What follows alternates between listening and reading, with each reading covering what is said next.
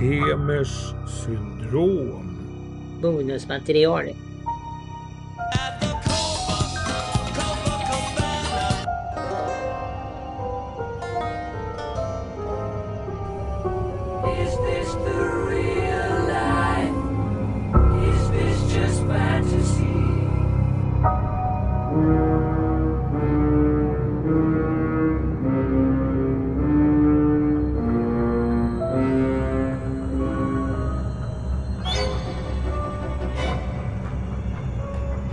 Anders Pemel i full frihet.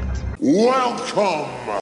I avsnitt 7 läser jag de två korta novellerna Jobbintervjun och Så kan det också gå av pseudonymen Henrik Ekman Krok, som väl kanske nästan kan tänkas vara jag själv. Efter publiceringen av detta poddavsnitt har de tillsammans med en tredje avslutande del jobbats ihop till en enda lite längre novell som i sin helhet heter Jobbintervju i Skultuna. Här är en inläsning av den. Jobbintervju i Skultuna. Henrik Ekman Krok. David. Stora Mossen, Bromma. Onsdag 10.12. David startade sin V70 och la i e drive. Han älskade att köra bil och den här dagen skulle bjuda på en lite längre resa. Han hade sett fram emot den här dagen i över en vecka. Han hade själv en gång i tiden hört till den skola som anser att det inte är att köra bil utan mer att åka eller glida om man kör automat.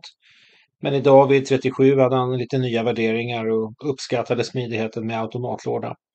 Och han hade även en sportig pärla som han fick växla själv för riktig entusiastkörning. Även det en Volvo. Hans verkliga ögonsten en mörkgrön P1800, samma modell som Roger Moore hade kört i tv på 60-talet i sin roll som helgonet. Davids bil var av en sen årsmodell 1971. Det var fadern som hade köpt den på 80-talet. Men nu gällde vardagsbilen, en V70 som han hade trivts med i snart sex år nu.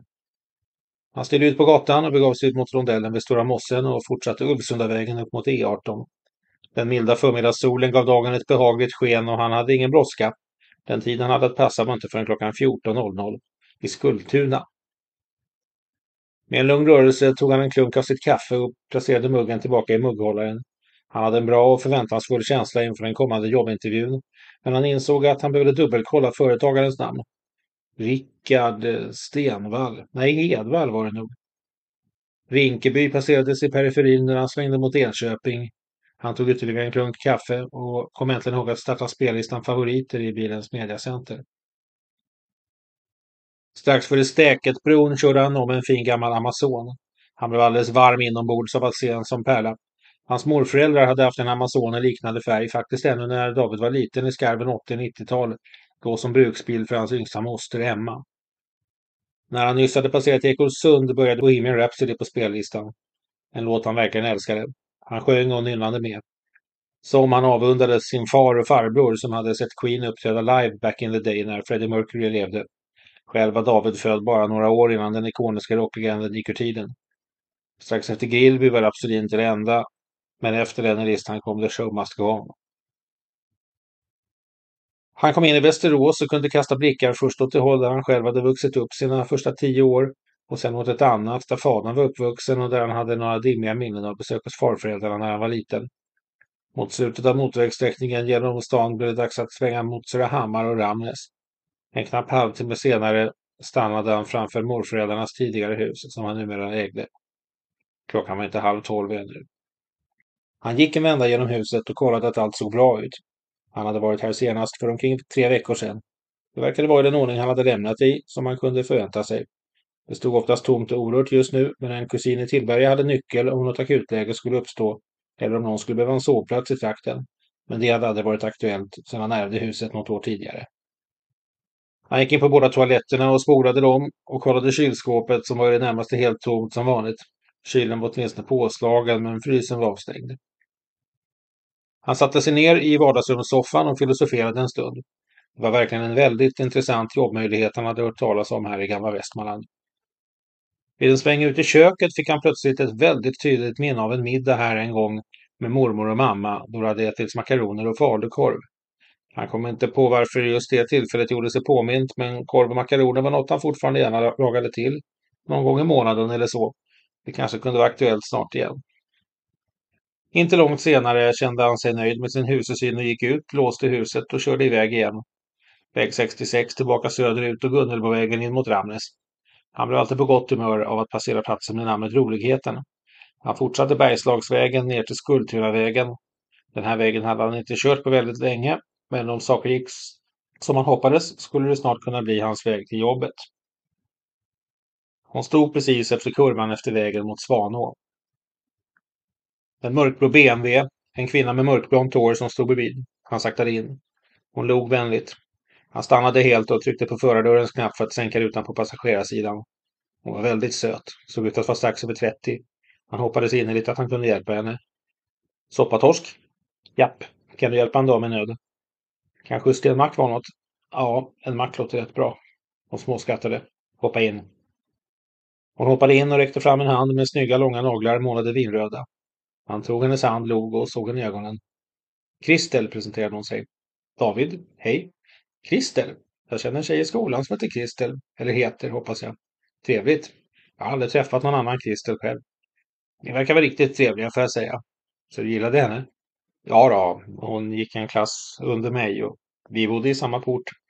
Vi har i alla fall lekt när vi var rätt små. Och du gillar mig? ja, så här långt. Jag vet ju inte så mycket om dig, men du ser hemskt trevlig ut. Tack, antar jag. Det lät som en komplimang. Kanske en försiktig sån. Ja, kanske det. Tja, du är... Äh, vad fan, tänkte han för sig själv. Du är söt. Vad gullig du är. Du är också söt. Han hoppades att han inte rodnade. Det gick i varje fall bra att fortsätta konversera den söta Kristel. Söt var inte ordet förresten. Jävlar vad snygg hon var. Strax efter ändrade han sig ännu en gång. Vacker. Väldigt vacker. Den perfekta manikyren höjde intrycket ännu mer. Han var svag för riktigt välvårdade naglar och tyckte det var rasande snyggt. Han gjorde klart att han självklart också skulle köra henne tillbaka till hennes bil, vilket hon inte alls verkade ha tagit för givet, men det syntes att hon uppskattade det. Hon gav honom ett leende som kändes som att solen gick upp där i bilen. När de var framme inne i Skultuna frågade hon om han hade ätit lunch eller? Nej. Kan inte jag få tacka för hjälpen med att bjuda på lunch? Det fanns inget att tveka om. Jo, ja tack, gärna. Han hoppades att han inte verkade för ivrig. Pizzerian på Västeråsvägen fick sig ett besök. David lät sig bjudas på en kebabtallrik medan Christel tog sig en calzone. Så eh, vad är du ute på för äventyr David? På väg till en jobbintervju faktiskt. Oj, spännande. Vad är det för jobb? Ett väldigt intressant. Jag hoppas verkligen mycket på det. En konsultfirma som håller på med ett projekt med en ny byggteknik som verkar skithäftig faktiskt. Aha. Och du är? Jag är civilingenjör med inriktning industriteknik. Har jobbat med projektledning ganska mycket. Bor du här i trakten? Jag bor i Bromma sedan länge, men jag har hus här också utanför Ramnäs. Det var mina morföräldrar, min mamma är uppvuxen där. Så jag kommer att kunna bo i trakten om jag får det här uppdraget. Det är inte helt klart, men det verkar vara en bra chans att det kan bli ganska långvarigt. Ett år eller till och med mer. Och jag har en hel del idéer som gör att jag tror att det kan bli superbra och kan få det här projektet att flyga. Jag kände att det här var en häftig grej att få vara med om, om jag nu får det. Oj, vilken stark presentation. Lova att du får fram den lika bra på intervjun. Då borde du vara hemma. Jag hoppas verkligen det. Att det är ett lokalt företag här i trakten där jag har mina rötter känns jättelockande. Jag hoppas det ska klicka bra. Jag hade svårt att hinna läsa på om entreprenören själv och ibland är jag tydligen pinsamt svårt för namn. Blandade ihop en del namn med andra. Rickard någonting tror jag. Så du är uppvuxen här i Västmanland? Västerås från början. Han försökte hitta sin gamla västmanländska dialekt för att understryka sitt arv och dessutom knyta an till henne. Självklart att han kände sig dragen till henne när de talade västmanländska som symboliserade hembygd, arv och trygghet för honom, insåg han nu. Sen fick pappa jobb i Stockholm och vi flyttade till Farsta först och sen bodde vi i Dubo i Sundbyberg. Vad gör du själv? Jag är eh, egen företagare. Aha, och pysslar med vadå? Lite av varje kan man säga, sa hon med ett leende och en hemlighetsfull blick. De blev klara med måltiden och gick ut och åkte sista biten till macken som låg inte så långt ifrån pizzerian. David hade själv en 10 liters dunk i bakluckan och de fyllde den. Kristel betalade bensinen och de åkte tillbaka. Har du familj? undrade Christel. Frånskild sedan ett år. Vi hade inga barn så det har gått ganska smidigt, svarade han medan han tänkte tillbaka på sitt tidigare äktenskap med Helene. En kvinna som var charmerande men också mycket envis och ibland irriterande. Han hade älskat henne djupt men det hade tyvärr inte räckt till. Nu var han mycket mer intresserad av att lära känna Christel. Och vem är du då? Är du här från Skultuna? Jajamän, 34, singel sedan ett par år tillbaka. Han försökte verka oberörd av den uppgiften och undrade om det gick bra. Har en son som är sex år. Har utbildat mig ganska bra och trivs med livet. Intressant jobb. Det låter härligt, sa David och funderade över sitt eget liv. Häftigt med barn i bilden, kände han instinktivt. Han hade länge sett fram emot egna barn. Att få bonusbarn i en framtida relation var något han inte hade tänkt särskilt mycket på. Men han kände att det verkligen inte skrämde honom. En kille på sex år lät jättecharmigt. Fast någonting saknas ju i livet, så är det ju. Hon tittade bort från honom och David lade instinktivt handen på hennes axel ett kort ögonblick. Det är ju så, svarade han. De utbytte några blickar och log varmt åt varandra. Han tankade över bensinen i bilen, drog åt locket på tanken och la den i bakluckan igen. Christer slog sig ner bakom ratten och vred om tändningsnyckeln. Startmotorn lät bra i två sekunder, sen skrek det till och den stannade. Nästa gång kom det bara ett klick och nästa gång började startmotorn släpa sig fram på tok för långsamt för att göra någon nytta. Åh, nu igen. Jag tror det är något med hela det här elsystemet. Ja, jag har hört en del om BMWs elsystem, svarade David. Jo, jag har hört det också, svarade hon med ett snett leende.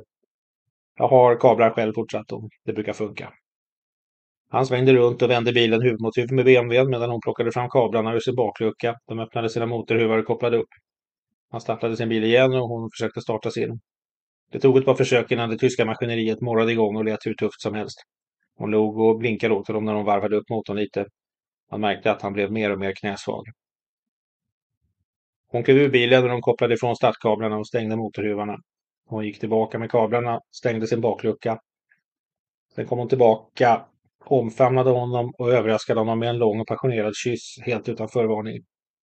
David blev så överrumplad att han trots sitt stora egna intresse för henne knappt hann svara. Han kände hennes tunga utforska hans mun, men innan hans egen hann fram till den avslutade hon kyssen. Du är jäkla fin, David. Jag vill träffa dig mer. Mycket mer. David var fortfarande överrumplad av allt som hade hänt under dagen och kunde bara förmås att nicka entusiastiskt till svar. När och hur kan vi ses? Låt oss säga så här, David. Håll ögonen öppna i Skultuna så lär du inte missa mig. Jag lovar. Hon gav honom en puss på munnen och en till. Den andra hann han besvara. Du säger det. Lär inte missa dig. Han log varmt. Inte en chans. Hon skrattade till. Jag ska åka till mitt jobb nu, men jag ska tänka på dig och hålla tummarna. Hon såg ut att komma på något och sken upp. Ett nytt varmt leende. Vet du, jag tror du kommer att få tjänsten. Jag känner det på mig. Hon gav honom en puss på kinden den här gången, hoppade in i bilen, backade någon meter för att komma förbi hans Volvo och gasade iväg längs Skultunavägen. David satte sig i bilen som ju fortfarande stod nästan mitt i körbanan mot Skultunahållet men vänd mot färdriktningen. Han var helt överväldigad över hur dagen hade utvecklats. Han undrade nästan om han hade drömt alltihop, men kunde känna minnet av hennes kyss brinna i hans läppar. Det var utan tvekan verklighet. En bil som närmade sig på vägen från Ramnäshållet och tutade ilsket tvingade honom ur hans förundran. Han skakade på huvudet, gjorde en ursäktande gest och började vända sin bil, redo för nästa äventyr i Skultuna. Nu var det bara en halvtimme kvar till jobbintervjun. Han hittade rätt adress och parkerade.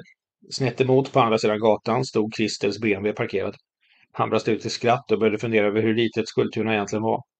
Men nu började något gnaga i hans skalle. Han klev ur bilen och plockade fram portföljen som låg i baksätet. Vad hette han i efternamn nu då, denne Rickard?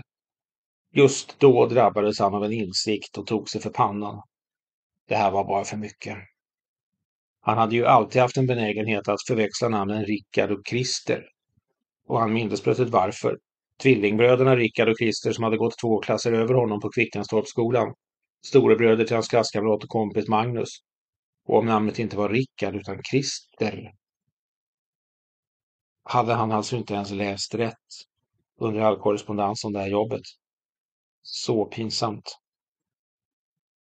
Han öppnade portföljen och såg genast namnet Kristel Hedvall lysa som i eldskrift på det översta pappret. Det första han såg. Han kunde bara skaka på huvudet. Han kollade adressen igen och det var förstås porten precis bredvid Kristels bil. Såklart. Han fick en känsla av att någon eh, iakttog honom. Han tittade upp, såg ett fönster på andra våningen och där stod Kristel med ett leende som gav honom fjärilar i magen. Nu insåg han sin situation fullt ut och begav sig mot porten med en känsla av både spänning och förväntan. Kristel, Krongjutarvägen, Skultuna, onsdag 7.37. Kristel fick upp Felix och fick honom att klä sig medan hon dukade upp det sista av deras frukost. Han var på riktigt gott humör när han kom till köksbordet. Mamma, kan vi äta korv och mackisar ikväll? Det kan vi absolut göra. Hon gjorde någon slags mental notering av, det, av ett slag hon brukade vara bra på att komma ihåg. BMWns sexa mullrade igång fint denna morgon. Batteriet hade krånglat fram och tillbaka och dragit ur en tid, så hon behövde hjälp med startkablar med jämna och ojämna mellanrum. Det var dessutom ett problem som nu hade återkommit med det nuvarande batteriet, som hon hade köpt när det blev samma problem med det förra. Många hade kommenterat att elproblem var en grej som förekom på lite äldre BMW-bilar. Den bistra sanningen var nog ett behov att köpa en ny bil snart, men det kanske skulle få bli åtminstone ännu ett nytt batteri först. Efter lämning av Felix och puss och kram kom hon till kontoret och drog igång datorn där. Hon började plocka fram dokumentationen kring David, mannen som skulle komma på intervju i eftermiddag om projektanställningen kring hennes stora projekt. Han hade gett henne ett lite dubbelt intryck, men han verkade framförallt väldigt intresserad av projektet.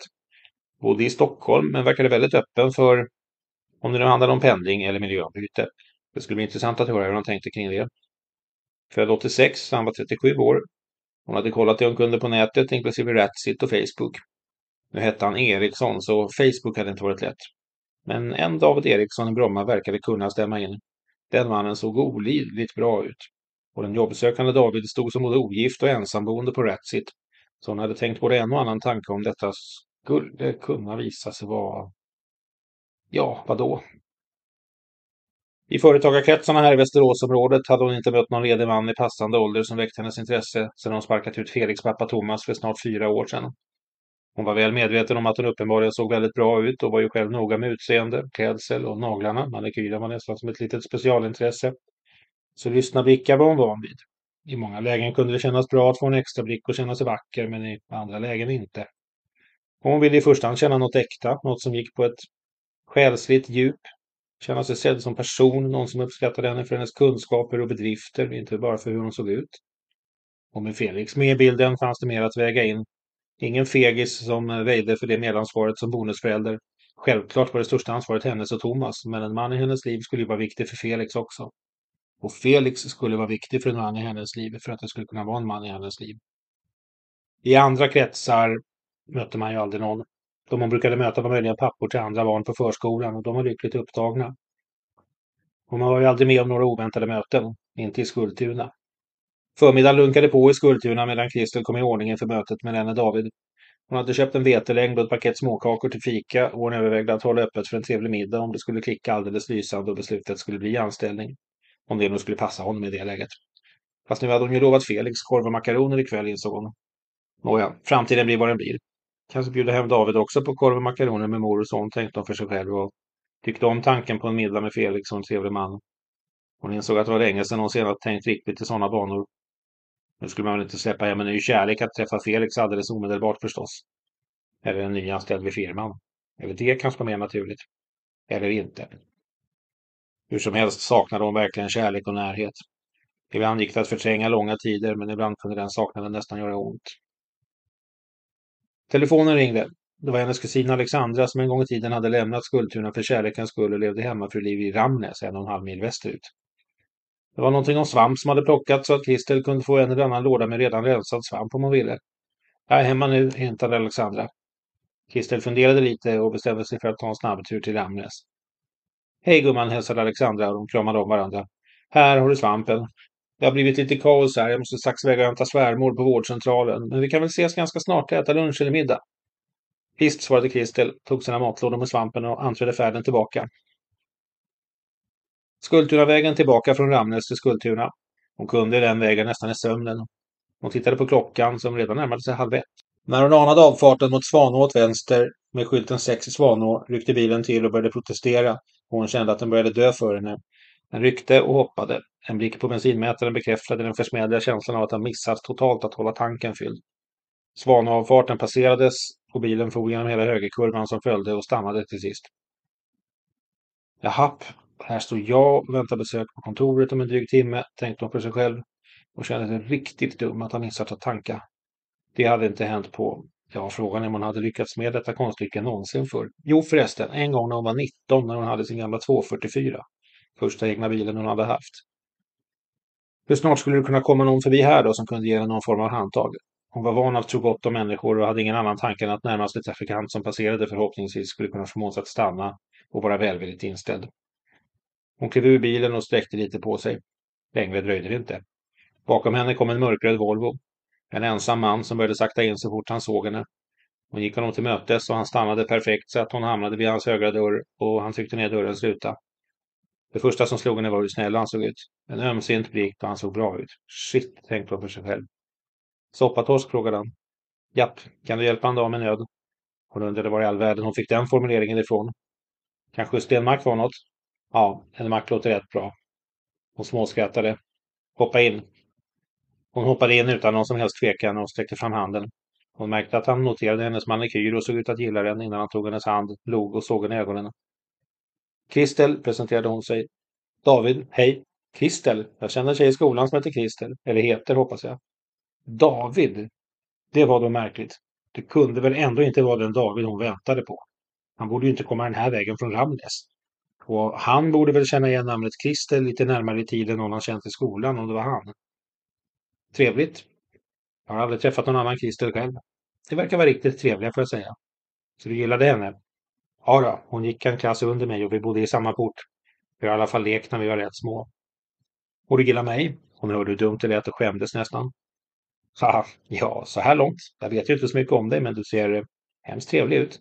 Tack, antar jag. Lät som en komplimang. Kanske en försiktig sån. Hjälper jag fiskar, tänkte hon. Ja, kanske det. Tja, du är, du är söt. Vad gullig du är. Du är också söt, hörde hon sig själv svara. Hon hoppades att hon inte rodnade. Det gick i alla fall bra att fortsätta konversera den urskärmige David. Han gjorde snabbt klart att han självklart också skulle köra henne tillbaka till bilen. Vilken gentleman. Hon gav honom ett stort leende. Var detta hennes jobbsökande låg han på stort plus redan. När hon var framme inne i Skultura kände hon att hon måste bjuda honom på lunch. Antingen det var en annan David eller den som hon skulle träffa. Det skulle väl strax visa sig hur det låg till med den saken. Hon antog ändå att det av en bizarr tillfällighet var en annan David eftersom han inte hade reagerat snarare med “Jag ska ju träffa en Christer i Skultuna nu på eftermiddagen”. Han tackade glatt för erbjudandet. Hon hoppades att hon inte verkade fribrig. Pizzerian på Västeråsvägen fick sig ett besök. David lät sig bjudas på en kebabtallrik medan Kristel tog sig en calzone. Så vad är du ute på för äventyr David? På väg till en jobbintervju faktiskt. Åh herregud, tänkte hon. Oj, spännande. Vad är det för jobb? Det kommer ju att visa sig vem jag är, men det blir förhoppningsvis bara kul, tänkte hon. Ett väldigt intressant, jag hoppas verkligen mycket på det. En konsultfirma som håller på med ett projekt med en ny byggteknik som verkar skithäftig faktiskt. Wow, tänkte hon. Det här låter positivt. Aha, och du är, är civilingenjör med inriktning industriteknik. Har jobbat med projektledning ganska mycket. Bor här i trakten. Jag bor i Bromma sedan länge, men jag har hus här också utanför Ramnäs. Det var mina morföräldrar som är mamma uppvuxen där. Så jag kommer kunna bo i trakten om jag får det här uppdraget. Det är inte helt klart, men det verkar vara en bra chans att det kan bli ganska långvarigt, ett år eller till och med mer. Och jag har en hel del idéer som gör att jag tror att det kan bli superbra och kan få det här projektet att flyga. Jag kände att det här var en häftig grej att få med om, om jag nu får det. Kristel kände sig helt blåst av stolen. Honom ville hon ha, när det gällde projektanställningen i varje fall, i princip redan avgjort. Och hon kände en stark dragning att hon nog skulle vilja visa sig vilja ha honom privat också. Oj, vilken stark presentation. Lova att du får fram den lika bra på intervjun. Då borde du vara hemma. Hon tänkte för sig själv att det där lät jättelöjligt och att han nästan borde fatta något. Men varför hade han inte känt igen hennes namn? Jag hoppas verkligen det. Att det är ett lokalt företag här i trakten där jag har mina rötter känns jättelockande. Jag hoppas det ska klicka bra. Jag hade svårt att hinna läsa på om entreprenören själv och ibland har jag tydligen pinsamt svårt för namn. Blandar ihop en del namn med andra. Rickard någonting tror jag. Det förklarade ju saker. Men eh, Rickard? Så du är uppvuxen här i Västmanland? Västerås från början. Men gick han över till västmanländska och nu känner hon sig ännu mer attraherad av honom. Sen fick pappa jobb i Stockholm och vi flyttade till Farsta först och sen bodde vi i Duvbo i Sundbyberg.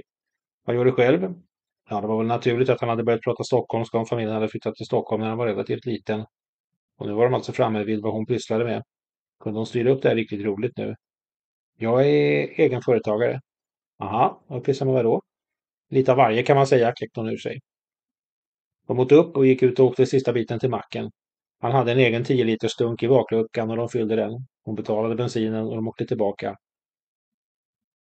Har du familj? fick hon ur sig. Frånskild sedan ett år. Vi hade inga barn så det har gått ganska smidigt, svarade han. Jävlar, jävlar. Han är åtminstone singel. Antar jag. Och vem är du då? Är du härifrån Skultuna? Nu gällde det. Jajamän, 34, singel sedan ett par år tillbaka. Hon försökte frenetiskt se hur han reagerade på ordet singel. Har en son som är sex år. Har utbildat mig ganska bra och trivs med livet. Intressant jobb. Det låter härligt, svarade han. Ingen förskräckt reaktion på informationen om Felix. Fast någonting saknas ju i livet, så är det ju, tänkte hon högt och tittade bort. Hon kände att han la handen på hennes axel ett kort ögonblick. Det är ju så, svarade han. De utbytte några blickar och log varmt åt varandra. Inget snack om saken. Hon var på god väg att falla för den här mannen. David tankade över bensinen i bilen, drog åt locket på dunken och la den i bakluckan igen. Hon slog sig ner bakom ratten och vred om nyckeln. Startmotorn lät bra i två sekunder men sen gav batteriet upp och startmotorn bara släpade sig fram utan kraft. Åh, nu igen. Jag tror det är något med hela det här elsystemet. Ja, jag har hört en del om BMWs elsystem, svarade David. Alla verkade ha hört om BMWs elsystem. Men David lät medkännande och snäll tyckte hon att det kändes som. Att han såg henne och hennes problem och kände med henne. Jo, jag har hört det också, svarade hon och log snett. Ja, kablar själv, fortsatte hon. Det brukar funka. David svängde runt och vände bilen huvud mot huvud med BMWn medan hon plockade fram kablarna ur sin baklucka. De öppnade sina motorhuvar och kopplade upp. Han startade sin bil igen och Christer försökte starta BMWn. Det tog som väntat ett par försök innan den behagade mullra igång. Skönt, tänkte hon. Jävla biljävel. Men så insåg hon att hon nog snarare borde vara tacksam för den senaste timmens trassel den hade gett henne. Eller som hon själv hade skapat snarare genom att missa att tanka. Det gjorde henne på gott humör igen och hon log och blinkade åt David när hon varvade upp motorn lite. Hon var absolut inte säker på något än, men var det inte en väldigt kärleksfull, lite trånande blick han gav henne? Hon ville gärna tro det.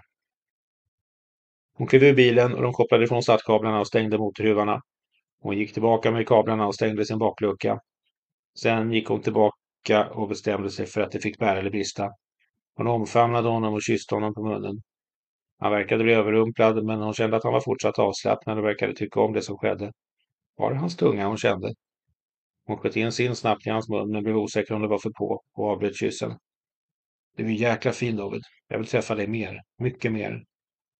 Han verkade fortfarande överrumplad, men hans blick gick inte att ta miste på. Och han stod där och bara nickade innan han till sist tog till orda.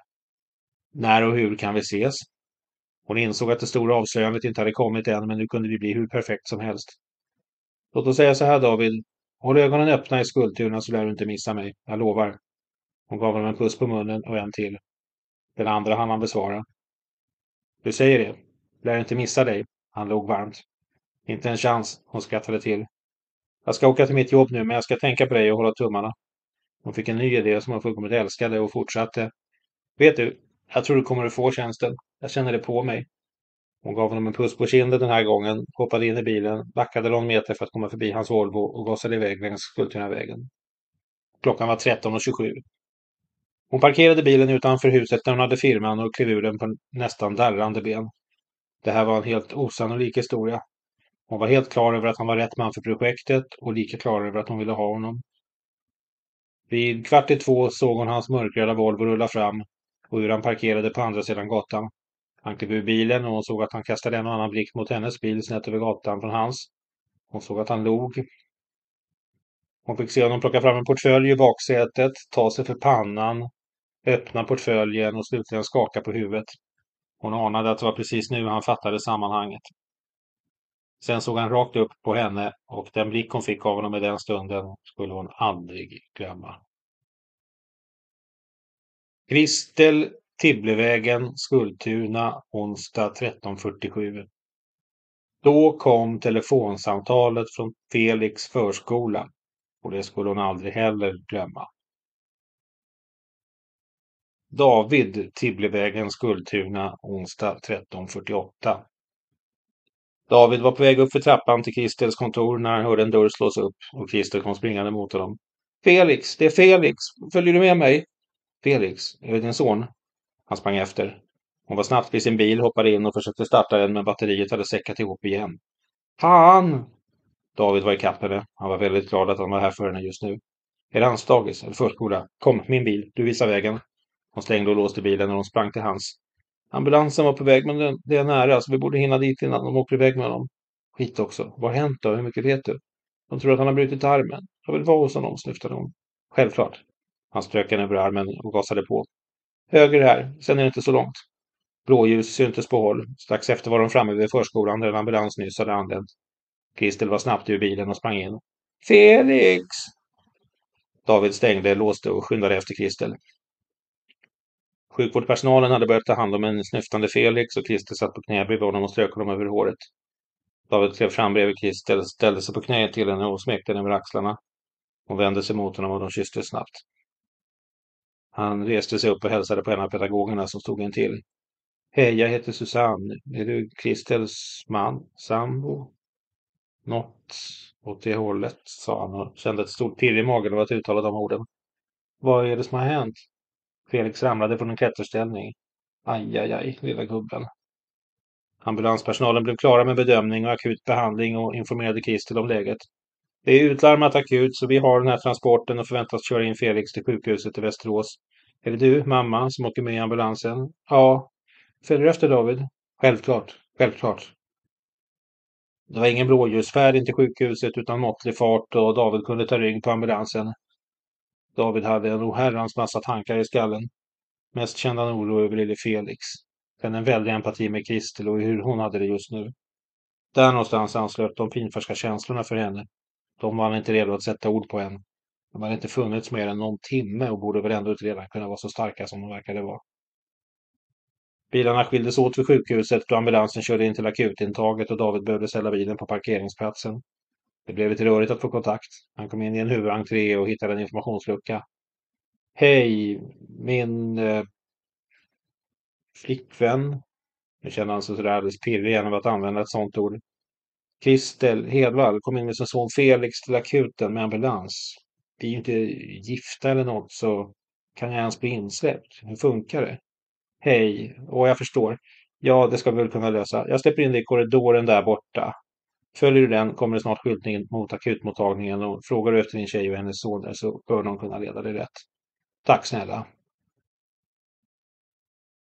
Felix, ambulansen på väg mot Västerås onsdag cirka 14.05. Felix låg på ambulansbåren och försökte slappna av.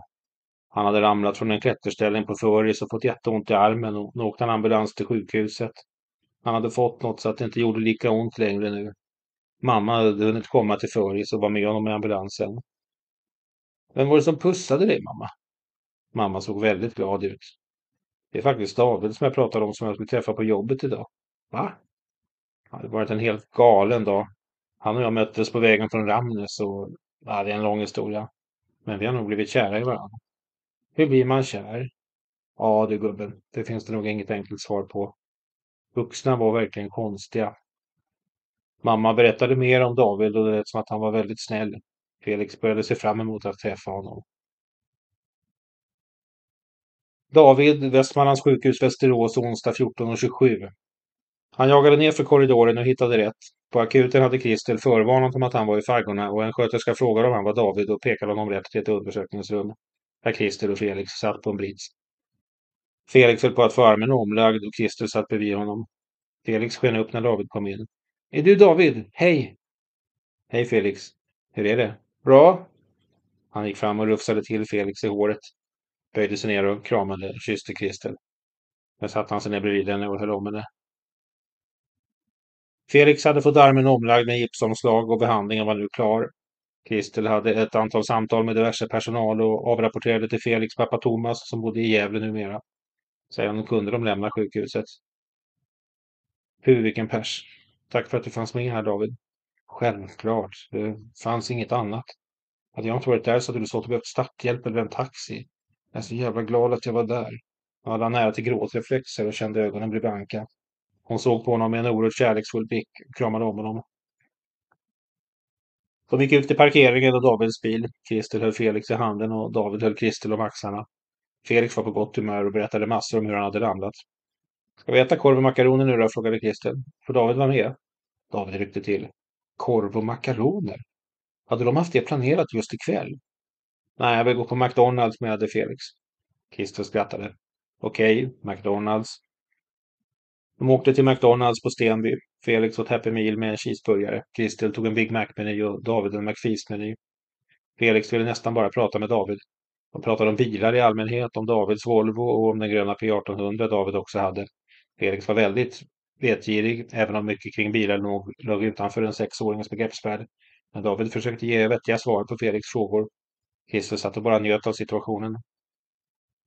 En timme senare satt de i soffan hemma hos Christer och Felix och såg tecknat på DVD. Felix sittande i Davids knä där han också somnade. Han verkar acceptera det totalt, konstaterade Christer. Men han är väldigt öppen och lättsam så det var precis vad jag trodde faktiskt. Han är så fin. De kysstes. Vill du ha fler barn? Jag tror det. Jag har alltid tänkt att jag skulle vilja ha ett eller några till när jag träffar någon ny. Nu är det ju rätt mycket i jobbet, men jag kommer inte bli yngre. Är du sugen? Det är klart. Du får ju så söta barn. Åh, gulle. Jag hoppas bara det är klokt att inleda en relation med min arbetsgivare.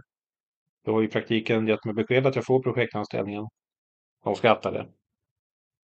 Vilken dag som Christer. Imorgon får gärna bli lugnare. Den här dagen måste ha varit den märkligaste i mitt liv. I mitt också. Strax efter gick de in i sovrummet.